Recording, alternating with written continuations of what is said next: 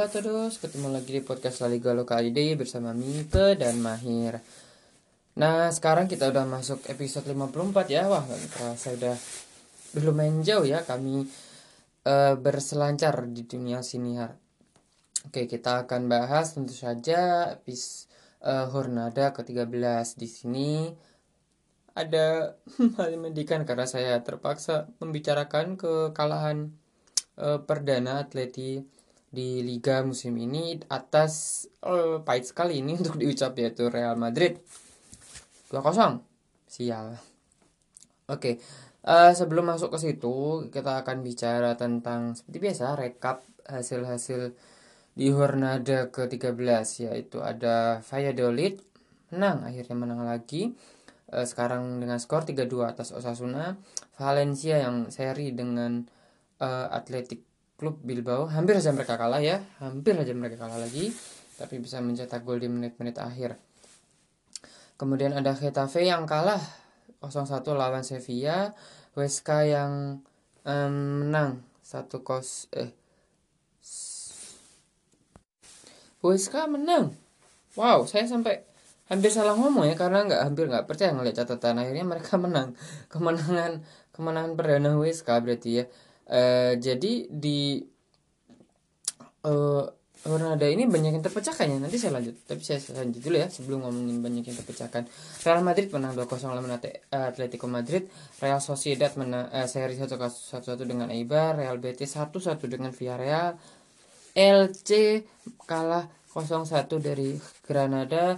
Barca menang 1-0 lawan Levante. Celta Vigo menang 4-0 dengan klub kebanggaan masyarakat Indonesia Kadis. Nah uh, ada banyak hal yang uh, pecah yang pecah di rekor yang pecah di Hornada 13 ini ya. Kalau mm, Hornada kemarin di episode kemarin waktu itu saya pernah bilang kalau ada catatan unik yaitu Atletik tidak pernah kalah WSK tidak pernah menang Betis tidak pernah seri. Nah Hornada ini ternyata ketiga klub ini meraih hasil yang belum pernah mereka hasil dapat ya belum pernah dapatkan sebelumnya. WSK yang tidak pernah menang akhirnya menang 1-0 lawan Alaves. Betis yang belum pernah seri akhirnya seri lawan Villarreal. Benar Atleti yang belum pernah kalah akhirnya kalah lawan Real Madrid. Jadi semuanya pecah. Tapi kabar yang paling baik tentu saja Hues kaya karena dia akhirnya menang. Kabar tidak baik oleh Atletico yang akhirnya kalah. Oh, nah, kita ngomongin Atleti dulu ya. Yang ini yang luka yang harus segera saya ucapkan biar lega, plong gitu. Uh, ada yang tanya, apakah Atleti berhak kalah dan Real Madrid berhak menang? Saya akan tetap berpegang bahwa hasil yang adil adalah seri. Walaupun saya dengan jujur bilang Real Madrid bermain lebih baik. Mereka lebih menguasai pertandingan.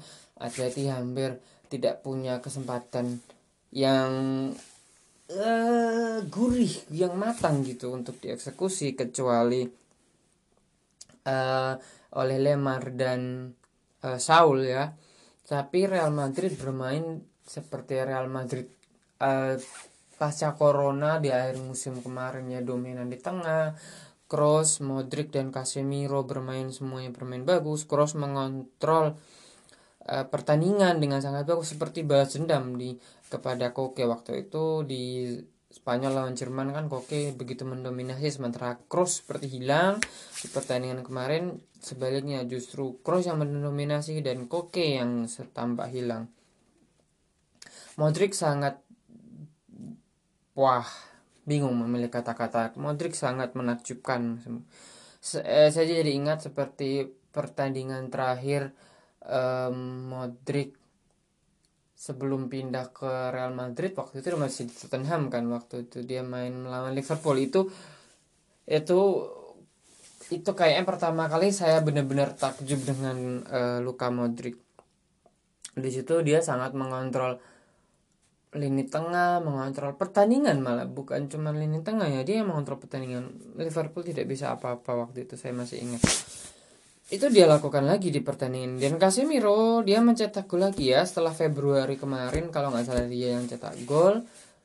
Yang itu adalah kekalahan terakhir Atleti sebelum rentetan 27 pertandingan tidak terkalahkan. Dan pecah lagi lawan Real Madrid kan kesel kan jadinya orang kumaha maneh sih.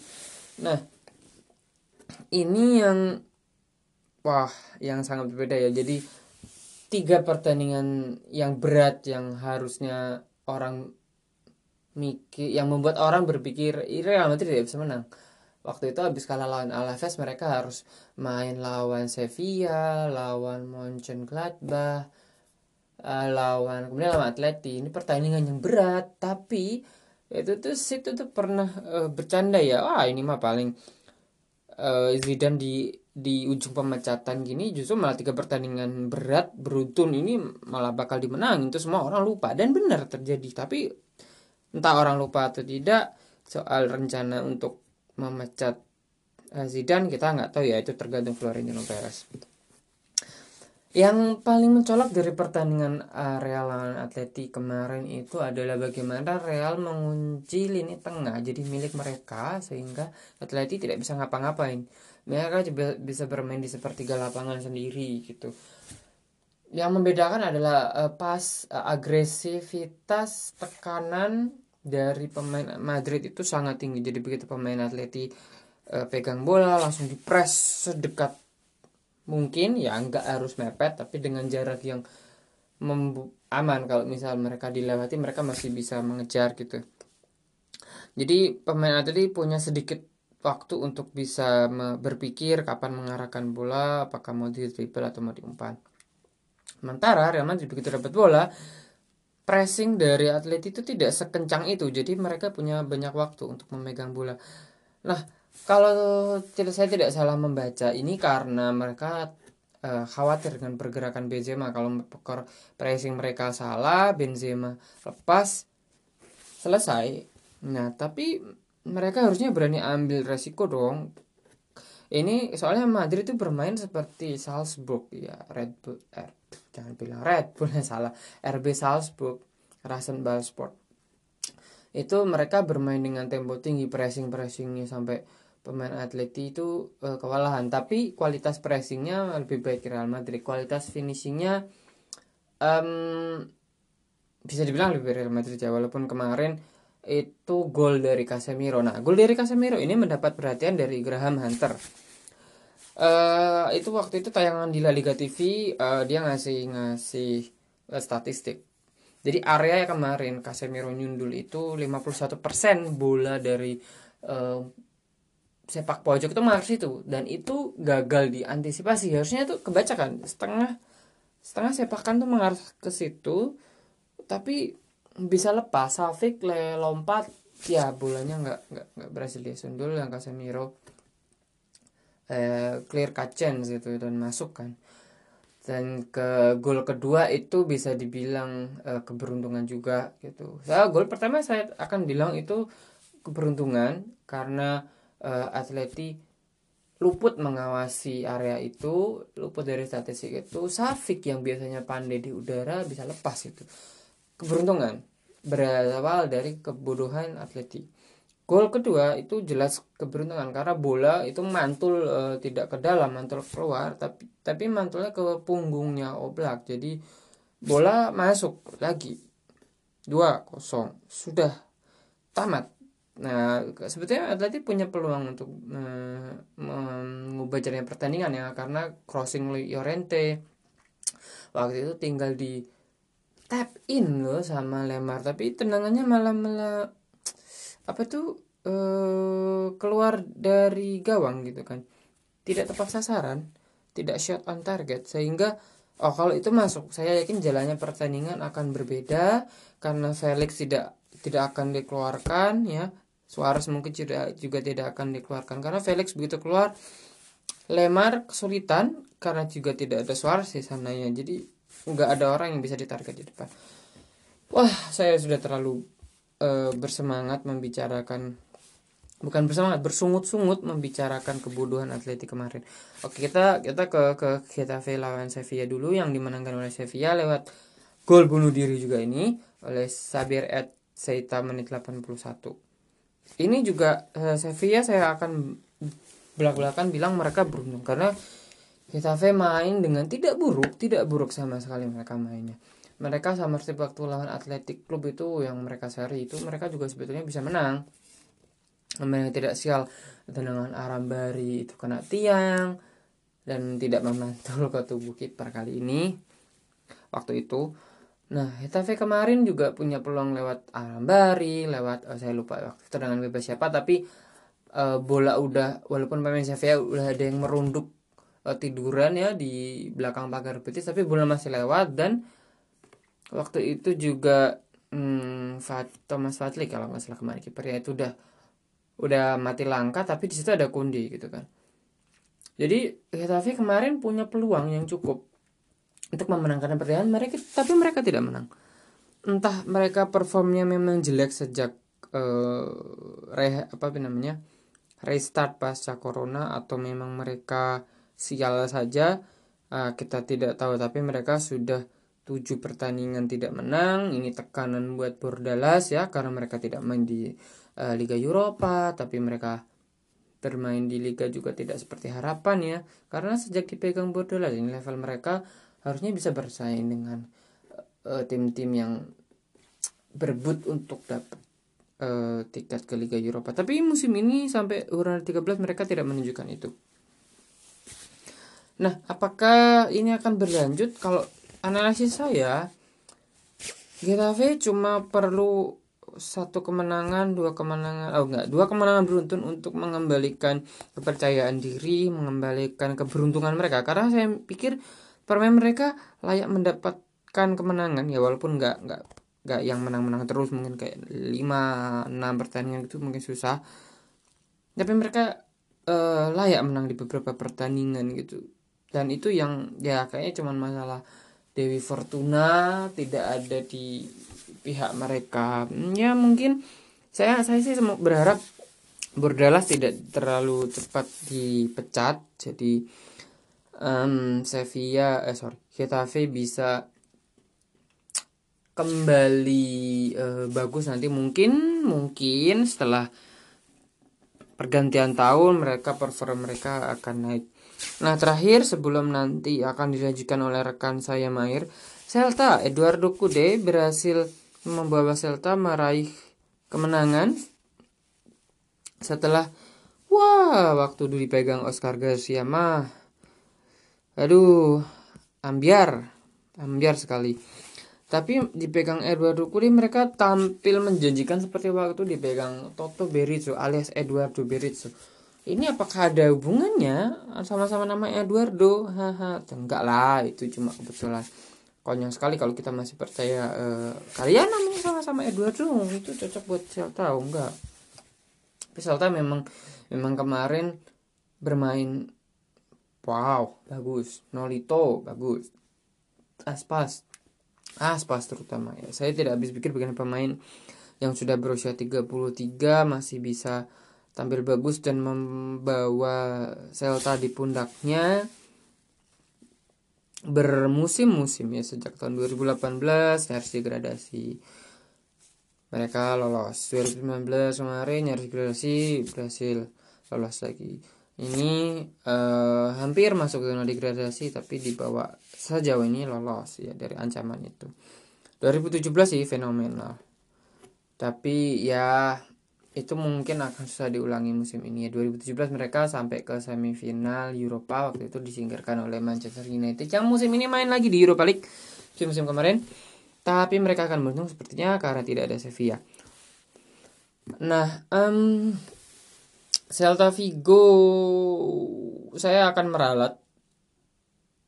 Waktu itu saya pernah bilang mereka akan degradasi musim ini Nah, karena waktu itu ya waktu awal dipegang Eduardo Kude juga belum menunjukkan performa seperti sekarang. Tapi saya akan meralat.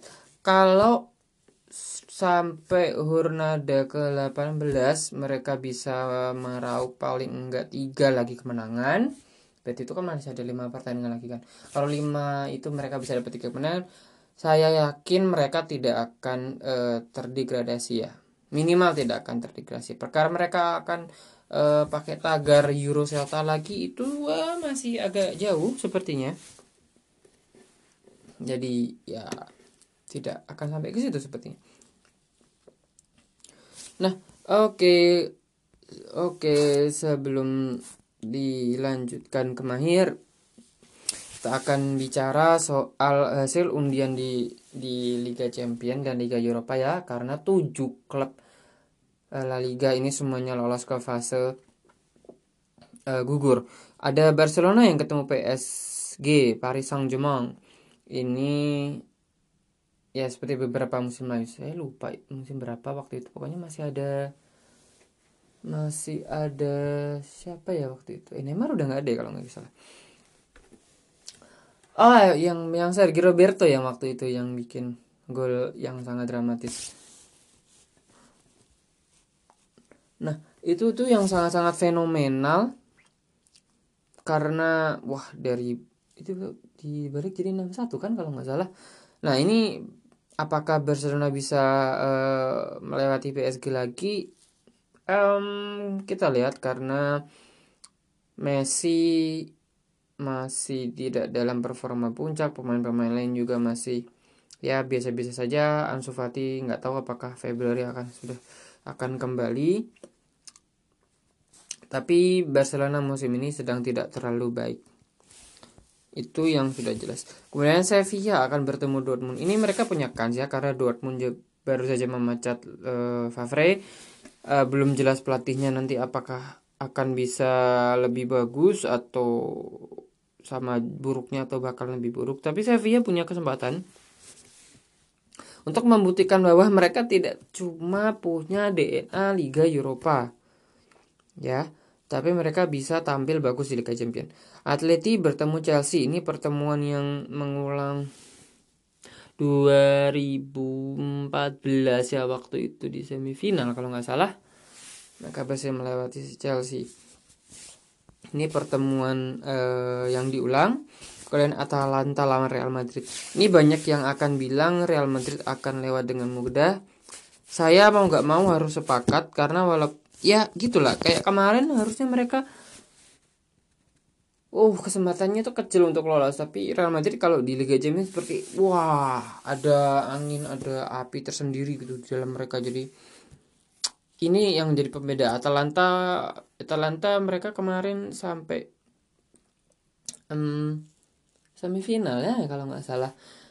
Ya ini pengalaman sudah lumayan berpengalaman. Mereka masih punya pelatih yang sama pemain-pemain juga nggak banyak berubah. Jadi ini walaupun um, ada peluang tapi cenderung tetap ke Real Madrid. Ya sepertinya dengan pengalaman mereka yang dan apa namanya uh, mereka haus akan juara juara Liga uh, Champion gitu. Kemudian Liga-Liga Eropa ini ini ini berat sih ini. Real Sociedad bertemu dengan Manchester United MU ini. Ya Sociedad bermain bagus musim ini walaupun udah mulai turun jadi agak mengkhawatirkan.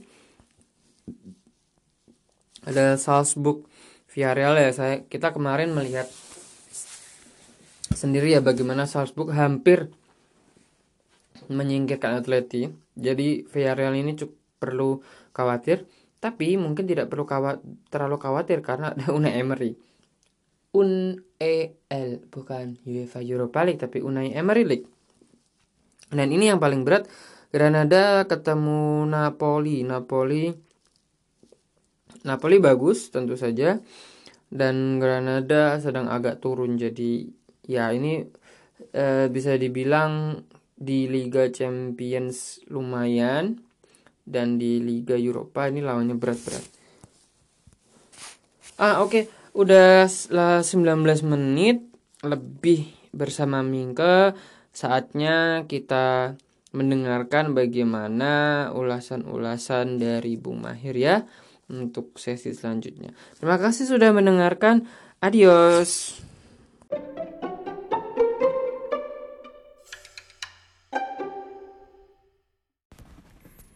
Buenos días, buenas tardes, buenas noches. Jadi La Liga sekarang sudah terlihat normal, sedikit lagi menjadi normal kayaknya, karena um, di waktu kami merekam podcast ini, tadi subuh tuh subuh waktu Indonesia maksudnya ya. Real Madrid berhasil menang atas Atletik dengan skor 3-1. Nah, sekarang Real Madrid sebagai juara bertahan nih semakin mendekati puncak klasemen. Bahkan poin yang mereka kumpulkan udah menyamai para pemuncak klasemen yaitu Real Sociedad, Atletico Madrid, dan bahkan sudah melewati Villarreal. Tapi uh, itu adalah hasil dari laga tunda ya, laga simpenan. Dan di podcast kali ini sih kami ingin fokus untuk membahas Hornada ke ke berapa 14. Hornada ke-14 yang eh sorry 13 13 sorry Hornada ke-13 yang dibahas sebelumnya oleh rekan saya Minke. Dan memang di Hornada ke-13 ini banyak anti klimaks yang terjadi ya. Apalagi di berkaitan dengan eh, klub-klub uh, yang kita harapkan bisa mendobrak persaingan dua besar Real Madrid dan Barcelona. Ternyata seperti dibahas Minka sebelumnya, tim idolanya tuh Atletico Madrid ternyata tumbang di kandang di kandang Real Madrid dengan skor 2-0. Kemudian para pemuncak klasemen lain mereka tertahan. Bahkan Real Sociedad yang sebenarnya bermain di kandang sendiri melawan tim yang sebenarnya kalau kita pikir di atas kertas mereka bisa atasi ya. Yaitu tetangga mereka di wilayah Basque sana Eibar. Yaitu gagal mereka taklukkan. Mereka hanya bisa bermain imbang satu-satu. Lalu sebenarnya di laga ini ada yang nonton nggak? Jadi Real Sociedad itu bermain seperti biasa, mereka bermain atraktif, tapi memang sayangnya mereka tidak diperkuat oleh pemain andalan mereka dan sekaligus top scorer La Liga sementara musim ini, Mikel Oyarzabal. Terlihat banget um, mobilitas di lini depannya itu terlihat kurang ya. Dan Alexander Isak yang bermain sebagai ujung tombak itu tidak bisa berbuat banyak. Akhirnya di babak kedua diganti oleh striker yang bisa dibilang sudah bertahun-tahun itu mandul yaitu John Bautista Nah, gol Real Sociedad di laga ini dicetak oleh Ander Barenetsea di menit ke-20. Ini pemain muda ini mencetak gol dengan menurut saya sih salah satu gol terbaik di Hornada ke-13 ini. Itu tendangan first time dari luar kotak penalti. Dan saya pikir banyak juga orang berpikir mungkin di laga ini setelah gol Barenetsea di menit ke-20 itu mungkin Real Sociedad bisa pesta gol tapi ternyata di menit ke-65 Ibar berhasil membalas dengan gol dari Sergi Enrich. Tentu saja ini mengecewakan ya. Karena Real Sociedad dalam empat laga terakhir, sorry, tiga laga terakhir itu mereka imbang terus. Mereka memang di La Liga hanya baru kalah sekali, yaitu di uh, Hornada pertama ya kalau nggak salah ya tapi setelah itu mereka menang terus. Tapi kemudian tiga Hornada terakhir mereka bermain imbang. Uh, terlihat jelas di laga melawan Eibar tidak adanya Oyarzabal, kemudian uh, Mikel Merino juga tidak tidak tampil ya di laga itu. Mikel Merino um, eh sorry Mikel Merino main tapi diganti di babak kedua dan kemudian andalan mereka yang lain tentu saja David Silva itu kayaknya belum terlalu fit akhirnya baru masuk di babak kedua. Mikel Merino dan David Silva sepertinya kelelahan ya. Tapi saya pikir ini wajar karena mereka harus diistirahat, diistirahatkan sebagai reward, sebagai uh, sebagai ya istirahat aja karena mereka berhasil melewati melewati tantangan besar di Europa League yaitu harus tembus ke sistem gugur 32 besar. Dan mereka berhasil melakukan itu setelah lolos dari grup yang dihuni oleh Napoli dan AZ Alkmaar. Di kandang Napoli mereka berhasil memaksimalkan hasil imbang dan Real Sociedad menjadi wakil Spanyol terakhir di Eropa yang berhasil tembus ke sistem gugur nantinya. Jadi ya penggemar La Liga semuanya kita masih bisa melihat para wakil Spanyol secara lengkap, secara full ya. Di paruh uh, paruh kedua musim nanti yang akan memulai yang akan dimulai dari bulan Februari 2021. Nah, kalian cari tuh liga lain di Eropa yang wakilnya masih full itu hanya La Liga. Jadi berbanggalah kita Liga liga favorit kita ini masih berjaya di Eropa ya. Nah kembali ke Real Sociedad saya pikir mereka um, para pemain kunci mereka kelelahan apalagi Silva karena ya Silva kan udah tua ya udah memasuki usia 34 atau 35 tahun tapi kemudian terlihat juga Mikel Merino uh, dia juga harus harus harus istirahat tentu saja karena pemain bola bukan robot jadi di babak kedua para andalan lini, lini tengah Real Sociedad ini harus digantikan tapi kemudian kalau kita lihat terlepas dari hasil imbang yang cukup mengecewakan karena terjadi di kandang mereka sendiri di Stadion Anoeta atau yang sekarang berubah nama menjadi Reale Arena karena urusan sponsor ya. Saya pikir Terlepas dari hasil imbang itu, Real Sociedad di laga melawan Eibar ini mereka menampilkan kedalaman skuad yang luar biasa kalau menurut saya. Jadi dari 11 starting line up mereka itu kita bisa lihat nama-nama yang tampil itu agak asing ya. Jadi kalau saya pribadi saya cuman familiar dengan Mikel Merino, kemudian Ander Barrenetsia pun uh, dia baru dia dia baru bergabung ya sebenarnya di di Real Sociedad pada tahun pada tahun uh, ya pada tahun ini dimulai dari musim lalu dia dipromosikan dari dari klub Real Sociedad B tim B-nya Real Sociedad. Tapi kemudian yang menarik adalah Barrenetsia ini bahkan belum berusia 18 tahun. Luar biasa sih kalau menurut saya. Dan anak berusia 18 tahun ini sudah mencetak gol indah di di laga melawan Eibar. Setelah selain Barenetsea di laga melawan Eibar ini juga ada beberapa nama-nama lain ya. Kalau di lini berak, lini belakang mereka Lobin Re, Lenormand itu udah udah familiar mungkin karena udah sering dibahas di akun resmi La Liga. Tapi kemudian uh, di laga melawan Eibar ini ada nama yang bisa terbilang masih asing. Kalau saya pribadi saya saya mengakui bahwa saya masih asing dengan nama Modibo Saknan ya. Itu adalah back asal Prancis yang baru uh, musim ini dipercaya di di tim utama Real Sociedad karena musim lalu dia dipinjamkan ke uh, Liga Prancis ke Lens dan kemudian dipinjamkan lagi ke Segunda Division B bersama Mirandes. Nah di musim ini Modibo Sanyan ini dia baru berusia 21 tahun dan udah luar biasa sih memang pelatih Real Sociedad yaitu Imanol Alguacil ini yang mempercayai para pemain pemain muda untuk tampil di laga sekelas La Liga ya. Dan banyak lagi sebenarnya. Um, kalau saya lihat ini merupakan sinyal bahwa sebenarnya Real Sociedad tidak bergantung pada satu dua atau minimal berusaha untuk tidak bergantung pada satu dua figur ya. Di laga melawan Eibar uh, siapa namanya Nacho Monreal absen di posisi back kiri tapi kemudian mereka masih punya nama Aihen Munoz berusia 23 tahun.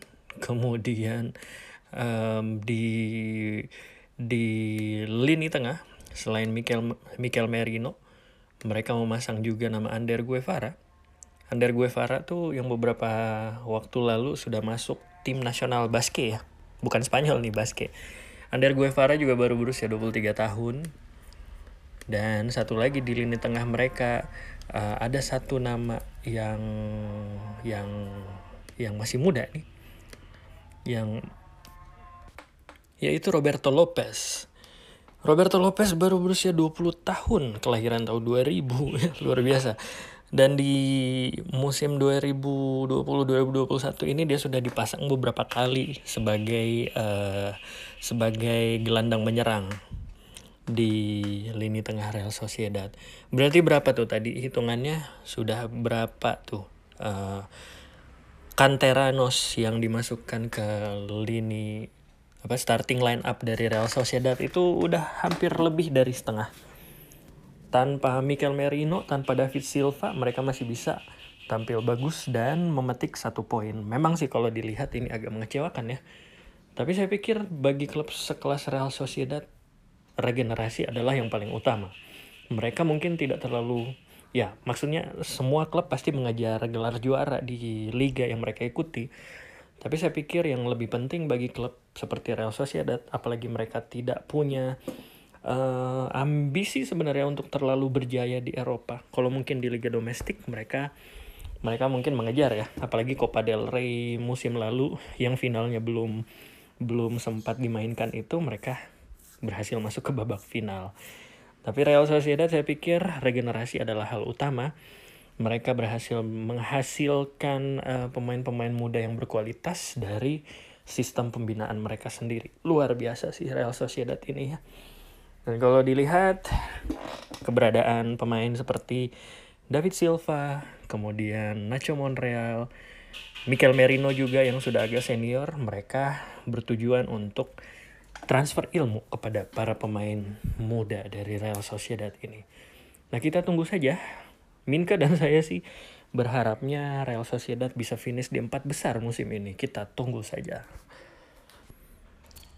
Berikutnya satu pesaing Real Sociedad di papan atas klasemen La Liga itu gagal juga meraih tiga poin ya. Villarreal hanya bisa bermain imbang satu-satu di kandang Real Betis dan situasinya hampir mirip dengan Real Sociedad di Hornada ke-13. Real Betis unggul cepat melalui gol Pau Torres di menit ke-5, tapi kemudian Real Betis sukses membalas di babak kedua melalui gol Aitor Ruibal di menit ke-51. Nah, ini juga Villarreal mereka lebih parah lagi dari Real Sociedad ya. Jadi sudah empat laga terakhir Villarreal gagal mengukir kemenangan. Empat laga terakhir juga berhasil eh, berakhir imbang, sorry, bukan berhasil ya kalau begitu ya. Karena empat laga terakhir mereka hanya bisa mengukir hasil imbang. Dan hasil imbang terbaru mereka yang melawan Real Betis itu dengan skor 1-1. Lebih parah lagi mungkin di uh, Hornada sebelumnya ya, minggu lalu ketika mereka sebenarnya bisa dibilang hanya menjamu lawan yang ringan yaitu LC. LC kan klub promosi dan promosinya pun mereka sebenarnya finish di posisi ke-6 Segunda Division musim lalu. Tapi Villarreal gagal memanfaatkan momen mereka menjadi tuan rumah dan hanya bermain imbang 0-0 melawan LC. Villarreal mulai kendor nih kayaknya, tapi kalau menurut saya Villarreal dan juga tadi kita bahas Real Sociedad ini problem klasik bagi klub-klub lapisan kedua La Liga ya. Apalagi kalau mereka sudah mulai bermain di uh, Europa League. Europa League kan mainnya itu hari Kamis ya atau Jumat dini hari waktu kita. Dan mereka biasanya sih kalau klub lapisan kedua ini mereka habis-habisan bermain di Europa League. Dan memang kalau mereka habis-habisan di Europa League, um, mereka dapat kalau misalnya mereka jadi juara aja kayak Sevilla yang merajai Europa League udah lima kali enam kali menjadi juara di uh, kompetisi kasta kedua Eropa ini itu lumayan banget sebenarnya ya jadi mereka dapat publikasi dapat hadiah uang meskipun tidak seberapa kalau dibandingkan Liga Champions tapi yang paling penting ya tentu saja uh, mereka ada kesuksesan internasional yang hampir hampir pasti tidak akan mereka dapatkan di Liga Champions ya. Karena di Liga Champions saingannya terlalu berat ya. Uh, kelas beratnya Eropa kan ada di sana semua. Tapi kalau Europa League mereka lebih bisa bersaing. Nah sepertinya Villarreal, kita sudah bahas ini sebelumnya di episode-episode sebelumnya. Villarreal mendatangkan pelatih Unai Emery yang tiga kali memenangi Europa League dengan Sevilla. Saya pikir mereka punya ambisi tersendiri ya Villarreal sepertinya memang mengejar antara Copa del Rey atau trofi Europa League ya. Dan Villarreal juga berhasil lolos dari grupnya. Dan di uh, Europa League selanjutnya mereka itu kemarin kan udah keluar ya hasil ini ya, hasil drawnya. Villarreal di di Europa League akan menghadapi akan menghadapi Red Bull Salzburg. Lumayan berat sih itu ya kalau menurut saya. Meskipun tidak seberat Real Sociedad yang bertandang ke Manchester United. Sorry, tandang dan kandang tentu saja ya. Tapi uh, melihat reputasi Manchester United tentu saja Real Sociedad mendapatkan lawan yang berat. Meskipun kita sering mencela bahwa Real Manchester United sekarang itu tidak sebagus musim-musim sebelumnya apalagi kalau dibandingkan 10 tahun yang lalu tapi tetap saja Manchester United menurut saya sih klub besar ya Real Sociedad tidak bisa sembarangan terlebih lagi kalau kita lihat satu wakil lain dari Spanyol yaitu Granada Granada bertandang sorry bertandang lagi maksudnya bertemu dengan Napoli Granada dan Manchester United sepertinya harus kerja ekstra keras untuk melangkah lebih lanjut di Liga Eropa. Tapi kalau kita lihat Villarreal, Villarreal punya peluang. Apalagi Unai Emery sangat hafal nih kompetisi Europa League. Nah balik lagi ke La Liga, Villarreal sepertinya memang harus kembali fokus. Apalagi Europa League kan tidak akan bermain sampai Februari. Nah di sinilah sebenarnya momennya Unai Emery untuk mereorganisir uh, klubnya. Villarreal di Hornada ke-13 ini kan mereka masih berada di empat besar sebenarnya. Masih berpeluang banget untuk naik ke papan atas. Tapi kemudian kita harus lihat bahwa di papan atas itu Real Madrid sudah mulai muncul dan tancap gas. Barcelona mungkin sebentar lagi akan mulai tancap gas juga. Nah, Villarreal ini harus segera bangkit. Ya. Ayo Mr. Emery kamu bisa nih. Um, Villarreal juga di musim ini mereka baru mengalami satu kali kekalahan. Tapi minusnya adalah mereka sudah tujuh kali imbang. Satu kali kekalahan itu kalau nggak salah ya waktu dibantai Barcelona ya dengan skor 0-4 setelah itu mereka tampil bagus dan tidak pernah mengalami kekalahan lagi. Nah, tapi kalau kita lihat di Villarreal, uh, beberapa masalah utama mereka adalah yang pertama itu seringnya mereka dilan, dilanda cedera ya. Dilanda cedera di laga melawan melawan Real Betis kemarin pun Villarreal tidak bisa menurunkan Paco Alcacer yang kayaknya punya masalah fisik. Gerard Moreno di, di lini depan uh, sepertinya agak kewalahan karena selain tidak bisa menampilkan Alcacer, duet mautnya Moreno bukan cuma di Villarreal tapi juga di tim nasional Spanyol tentu saja ya. Uh, Villarreal juga tidak bisa menurunkan um, siapa namanya? Samuel Chukwueze dari awal mungkin ini ada ada kendala fisik juga ya. Jadi mereka banyak menyimpan pemain. Dan yang paling buruk di laga Real Betis melawan Villarreal ini adalah dua pemain mereka dilanda cedera. Vicente Iborra itu harus cedera dan Francis Cokelang itu dilanda cedera juga. Nah memang Mr. Emery harus memutar otak nih untuk bisa bersaing di di papan atas La Liga ya dan satu lagi, dari Villarreal itu terlihat mereka belum bisa memaksimalkan anak muda bernama Take Kubo.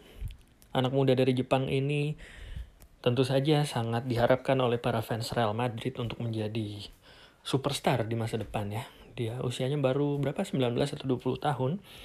Di musim lalu di Mallorca dia tampil spektakuler meskipun Mallorca degradasi Nah akhirnya di musim ini 2020-2021 banyak Madridistas yang berharap Take Kubo sudah bertemu dengan Unai Emery di Villarreal. Mudah-mudahan bisa semakin berkembang. Tapi ternyata sampai Hornada ke-13 ini Kubo baru satu kali menjadi starter ya, yaitu di di Hornada ke-13 ini melawan Real Betis dan itu sangat mengecewakan ya itu bisa kita lihat uh, hampir tidak ada pergerakan berbahaya dari Kubo di lawan di laga melawan Real Betis ini. Akhirnya dia di di babak kedua harus ditarik keluar dan diganti ya. Diganti oleh siapa waktu itu? Cukweze akhirnya ya. Nah, ini pernah kita bahas juga sebelumnya. Jadi Kubo memang kayaknya belum mendapatkan tempat di hati maupun di skema uh, Unai Emery dan kita lihat juga ini sempat dibahas oleh beberapa pandit La Liga di Twitter. Jadi Take Kubo tidak seharusnya tidak bisa berharap uh, performanya di musim lalu sangat menjual nama dia sebenarnya ya. Singkatnya seperti itu. Jadi Kubo harusnya tidak bisa bersantai bahwa dia pasti akan mendapatkan tempat di di tim utama dari Villarreal bermodalkan uh, performa spektakuler di musim lalu katanya. Karena Unai Emery sebenarnya sebagai pelatih bertangan dingin yang sudah melanglang buana sampai Rusia lah, sampai Inggris, sampai Prancis. Nah, Unai Emery pasti paling tahu siapa yang paling siap bermain untuk uh, skuad mereka ya. Dan sampai sekarang Take Kubo belum menunjukkan hal itu. Memang ada satu dua performa bagus di Europa League, tapi Europa League uh, klubnya Villarreal kan dia bersama Karabak lah sama siapa gitu kan sebenarnya tidak terlalu menjanjikan. Uh, maksudnya performa Kubo yang bagus di Europa League itu tidak bisa menjanjikan dia uh, tempat di tim inti utama Villarreal. Dia harus muncul di pertandingan-pertandingan pertandingan-pertandingan penting di La Liga sebenarnya gitu. Nah, demikian dulu mungkin melalui uh, pembahasan tentang Villarreal ini saya ingin membahas Real Betis sebenarnya, tapi udah sering. Sepertinya harus kita lupakan sedikit pembahasan tentang Real Betis karena hampir tiap pekan sepertinya saya membahas Real Betis. Oh ya, satu trivia menarik dari Hornada ke-13 itu, hasil imbang Real Betis melawan Villarreal adalah hasil imbang pertama Real Betis di musim 2020-2021 ini. Tapi untuk Real Betis kita bahas di pertemuan-pertemuan lain aja ya karena kita harus membahas satu nih klub yang uh, mau tidak mau harus kita bahas di setiap podcast La Liga Loka ID yaitu FC Barcelona yang akhirnya memetik kemenangan di La Liga. Ya sebenarnya idealnya sih kami merekam podcast ini setelah Hornada uh, Hornada berapa tuh? Ya maksudnya satu pertandingan tabungan Barcelona yang akan mempertemukan mereka dengan Real Sociedad nanti malam jadwalnya ya tapi kalau ditunggu kelamaan nggak akan publish publish podcast kita ya mungkin mungkin yang perlu kami lakukan hanyalah melaporkan atau mengomentari kemenangan Barcelona melawan Levante di Hornada ke-13 yang lalu. Jadi Barcelona akhirnya menang setelah melewati satu minggu mimpi buruk ya. Mereka dilibas 3-0 di kandang sendiri oleh Juventus. Kemudian Sebelumnya mereka bahkan kalah di kandang Kadis dengan skor 2-1. Tapi akhirnya mereka kembali lagi ke jalur kemenangan dengan skor 1-0 atas Levante. Meskipun cuma 1-0, tapi saya pikir kemenangan ini cukup penting. Cukup penting untuk membawa mereka kembali ke jalur persaingan La Liga ya. Dan meskipun skornya cuma 1-0, ini menunjukkan uh, lini belakang Barcelona dan kiper Mark Andre ter Stegen akhirnya bisa mungkin meraih kembali kepercayaan diri mereka setelah satu minggu mimpi buruk tadi yang mereka kebobolan 5 gol dari Cadiz dan Juventus. Di laga ini pun Barcelona terlihat belum menjanjikan.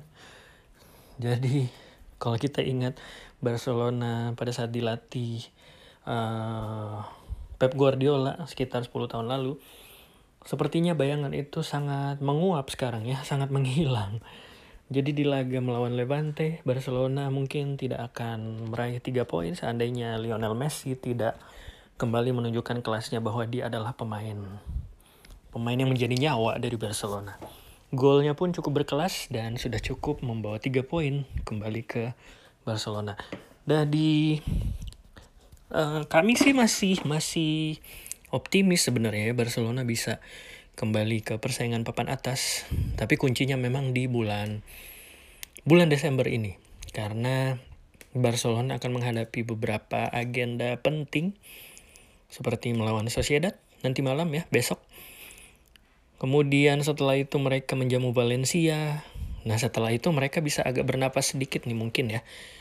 Karena lawan-lawan mereka tuh tidak terlalu berat. Ada Valladolid, Eibar, dan Huesca. Setelah itu sedikit lebih berat yaitu Atletik di awal Januari. Kemudian setelah itu lawan-lawannya uh, sedikit ringan lagi yaitu melawan Granada di pertengahan Januari dan kemudian LC di akhir Januari. Nah, yang yang harus kita soroti dari Barcelona musim ini adalah mereka belum mantap dalam hal uh, lini pertahanan mereka. Jadi apalagi setelah ditinggalkan Gerard Pique yang cedera, sepertinya Ronald Koeman masih sangat mencoba-coba apakah lini belakang mereka um, Kuman ingin menempatkan Araujo atau Oscar Mingueza sebagai pendamping dari Clement Longley. Tapi di laga melawan Levante ini terlihat uh, back sayap mereka berperan sangat penting ya. Selain Serginho Des di sektor back kanan, Jordi Alba juga tampil lumayan spektakuler di sektor back kiri. Dan kalau saya pikir di laga melawan Levante ini Jordi Alba mungkin selain Messi ya, Jordi Alba merupakan pemain yang tampil sangat bagus di laga tersebut. Kemudian menarik juga kalau kita lihat lini depan dari Barcelona, Martin Braithwaite mulai sering mendapatkan kesempatan menjadi pemain inti dari Barcelona. Terlebih setelah performanya di Liga Champions dan uh, di laga melawan Osasuna dia sering mencetak gol. Tapi kemudian di dua laga terakhir tentu saja dia kembali tidak mencetak gol. Nah, ini apakah kita harus menarik kesimpulan bahwa Braithwaite sebenarnya bukan striker kelas dunia yang dibutuhkan Barcelona? Tapi kalau pandit-pandit di Twitter sih melihat bahwa Braithwaite ini sebagai pria dari dari Skandinavia sebenarnya dia sudah mulai percaya diri bermain di klub besar seperti Barcelona ya Apalagi mengingatkan sebelumnya dia main di klub-klub kecil seperti Leganes ya. Tapi banyak yang berpendapat bahwa mungkin dengan adanya Henrik Larsson di skuad Barcelona sebagai salah satu asisten pelatih Ronald Koeman, kepercayaan diri Braithwaite mungkin bisa dibangkitkan oleh Henrik Larsson yang cukup sukses waktu bermain bersama Barcelona sekitar 14 tahun lalu ya. Dan Antoine Griezmann meskipun kembali lagi mandul di dua laga terakhir, tapi kalau kita lihat Griezmann mulai lumayan penampilannya ya beberapa laga terakhir ya. Satu mungkin yang perlu diperhatikan oleh Barcelona adalah betapa mengecewakannya penampilan dari Philip Coutinho. Jadi selain di laga melawan Osasuna dua pekan lalu, Coutinho nih apa ya jadi mengingat dia adalah pemain mahal yang didatangkan dengan harga lebih 100 juta euro, masih belum belum terlihat kualitas yang diharapkan dari seorang pemain yang yang berbandrol mahal seperti itu. Nah, kita lihat saja apakah Ronald Koeman berhasil memanfaatkan yang terbaik dari Coutinho, Griezmann, Braithwaite. Karena kalau tidak, Messi nanti berjuang sendiri dong di lini depan Barcelona ya kita tunggu saja. Oke, demikian mungkin laporan mingguan kami tentang hasil-hasil dari liga kesayangan kita ini. Kita tunggu, kita tunggu hasil-hasil mengejutkan lainnya. Mudah-mudahan ada kejutan nih di beberapa hornada La Liga ke depan. Tapi sekarang kita berhenti dulu dan kita ketemu lagi minggu depan di podcast La Liga Loka ID. Adios.